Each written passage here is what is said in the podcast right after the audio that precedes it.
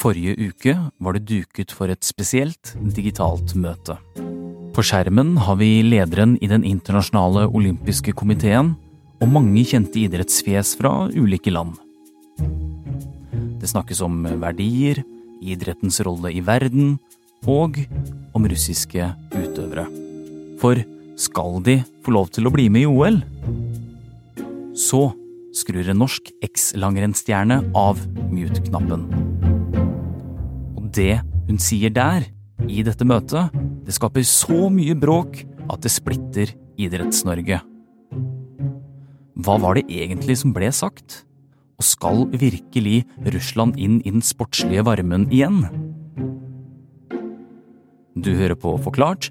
Jeg heter Philip A. Johannesborg, og i dag er det fredag 3. februar.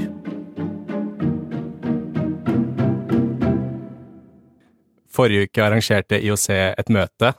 Det var med ulike representanter for utøvere fra verden over.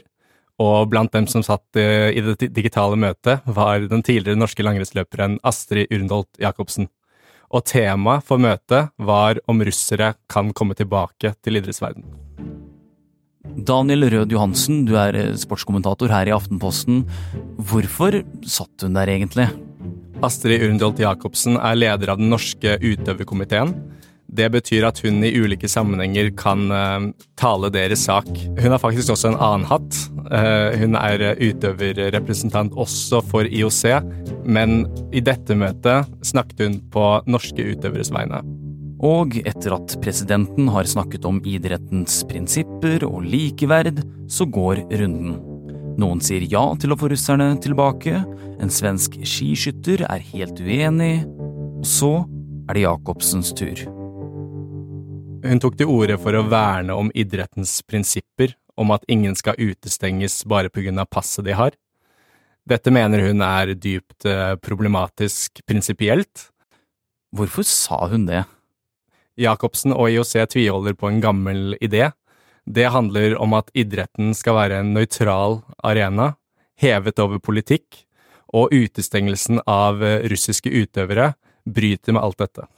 Hun konkluderte ikke med at uh, russere kan komme tilbake. Det er flere praktiske hensyn som må utredes først. Men hun mente i hvert fall at uh, det er en debatt som må løftes, ikke minst av en utøverrepresentant. Det var bare ett problem. Den norske utøverkomiteen støtter IOC i å få russiske og belarusiske utøvere tilbake i internasjonale konkurranser. Dette synet skulle representere hele Idretts-Norge, eller i hvert fall flertallet av den. Og det opprørte mange utøvere. Astrid Urenholt Jacobsen har fått kritikk etter at det i går ble kjent at hun hadde tatt til orde for å ikke diskriminere utøvere. Etter at hun åpna for en diskusjon rundt å la russiske og belarusiske idrettsutøvere igjen delta i konkurranser, har kritikken kommet fra flere hold. Det er ikke Norges største idrettsorganisasjon enig i. Mange norske utøvere er veldig tydelige på at russere ikke bør komme tilbake i internasjonale konkurranser så lenge krigen pågår. Mange reagerer også på hvordan denne prosessen eh, foregikk, og spesielt hvordan IOC har brukt det i ettertid. De opplever ikke at det Jacobsen sa representerer hva de mener. Likevel bruker IOC blant annet dette utspillet til å si at et klart flertall av utøverrepresentanter støtter deres syn. Og det synet er at russere må inviteres tilbake. Ja, For det var ikke sånn at dette møtet egentlig var en avstemning, eller? Det ble ingen avstemning. Det var egentlig solgt inn som et slags info- eller innspillsmøte. Men eh, det ble ikke gitt noen beskjed om at dette skulle være en eh, formell del av en eh, behandling. Så hun trodde dette var en helt vanlig diskusjon, men siden hun er leder av den norske utøverkomiteen og presenterte seg som det, så ble det regnet som en stemme. Ja, Men noe av problemet her også er at uh, synet på denne konflikten og hvordan idretten skal møte den, er utrolig polarisert også internt i den norske utøverkomiteen, der noen er veldig tydelige på at russere bør utestenges, mens noen er totalt uenige. Astrid Urenholt Jacobsen hun sier til NRK at hun burde ha sjekket med de norske utøverne, og det før hun uttalte seg i møtet. Men nå kan bråket få mye mer alvorlige følger. Fremover kan dette utløse fullstendig kaos i idrettens eh, verden, og ikke minst i norsk idrett.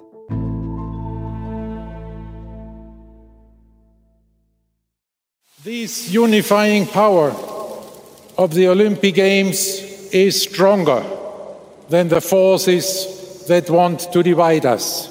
På avslutningsseremonien etter OL i Beijing i fjor sto IOC-president Thomas Bach og talte til eh, verden. Og noe av det han var mest opptatt av, var fred. You give peace a chance. Gi fred en sjanse, sa han til politikerne verden over. Grunnen til at han var opptatt av akkurat dette, er at IOC ser på seg selv som en fredsbevegelse. Det er prinsippene om fred som er selve fundamentet for de olympiske leker, og det er derfor de verner om nettopp disse verdiene.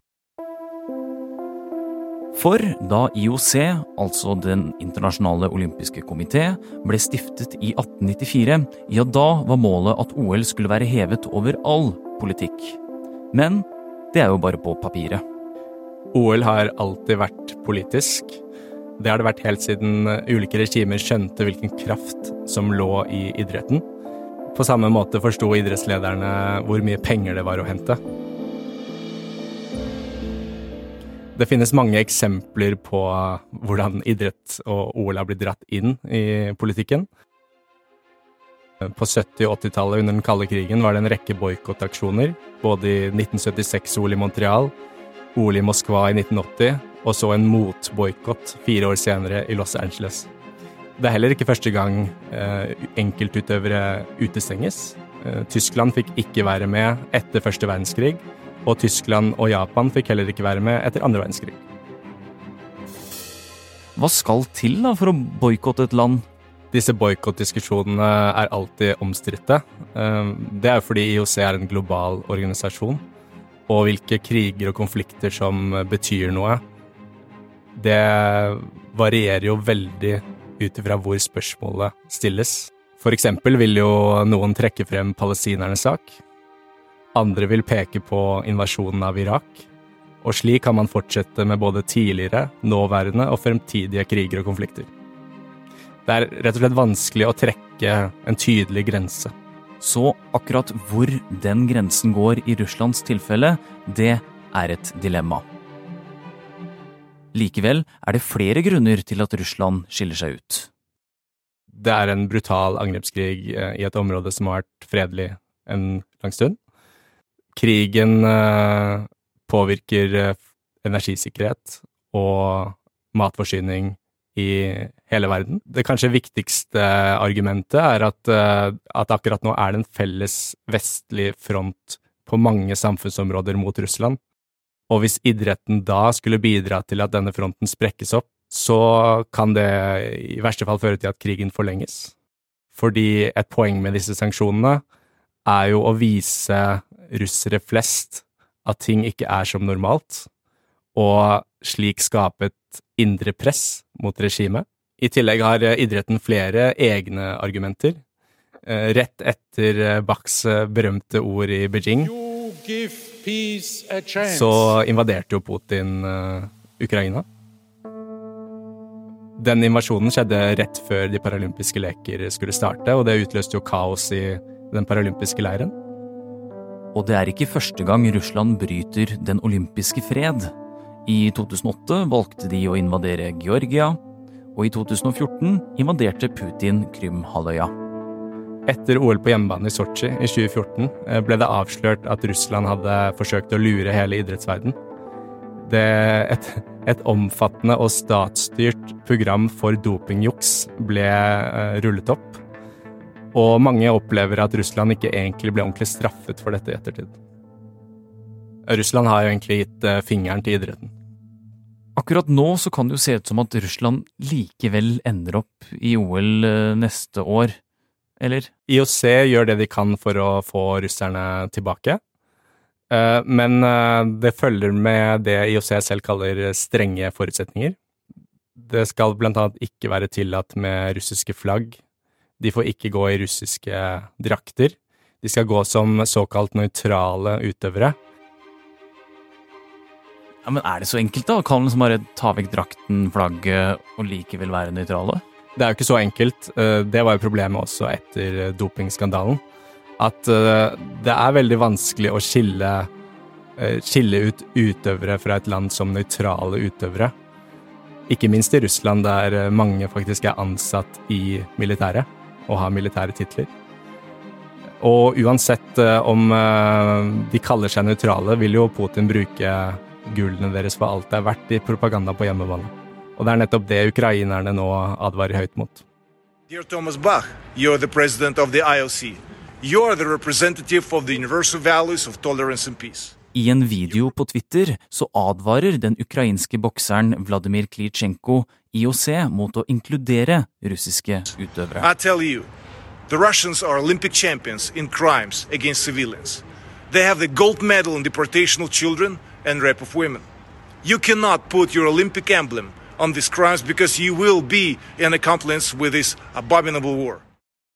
Hvilke konsekvenser kan det få hvis vi, Norge altså, eventuelt verden, da, ønsker Russland velkommen til OL? Det vil bli kaos. Ukraina sitter nå og vurderer hva de vil gjøre hvis eh, Russland får være med i OL. De skal ha et møte nå på tampen av denne uken, og en uh, hel, uh, helt reell mulighet der er at de kommer til å si at vi boikotter. Og da kan man jo se for seg en situasjon der Russland er med og kjemper om medaljer, Norge er med, og Ukraina er ikke med. Og er det greit? Er det, hvordan vil det bli tatt imot i den norske befolkningen? Hvordan vil det scenarioet bli tatt imot i andre land i Europa? Men uh, frem til den beslutningen så kommer det til å bli masse debatter, boikottdiskusjoner, og idretten kommer til å bli dratt inn i politikken som aldri før.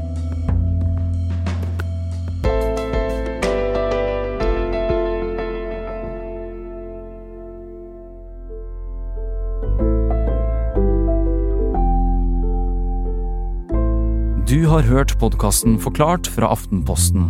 I dag med sportskommentator Daniel Rød Johansen, som forklarer bråket rundt Astrid Urenholt Jacobsen. Lyden er hentet fra NRK, Twitter og YouTube-kontoen Olympics. Det er produsent Synne Hoel og meg, Philip A. Johannesborg, som har laget denne episoden. Resten av Forklart er Jenny Føland, David Vekoni, Trond Odin Johansen og Anders Weberg. God helg!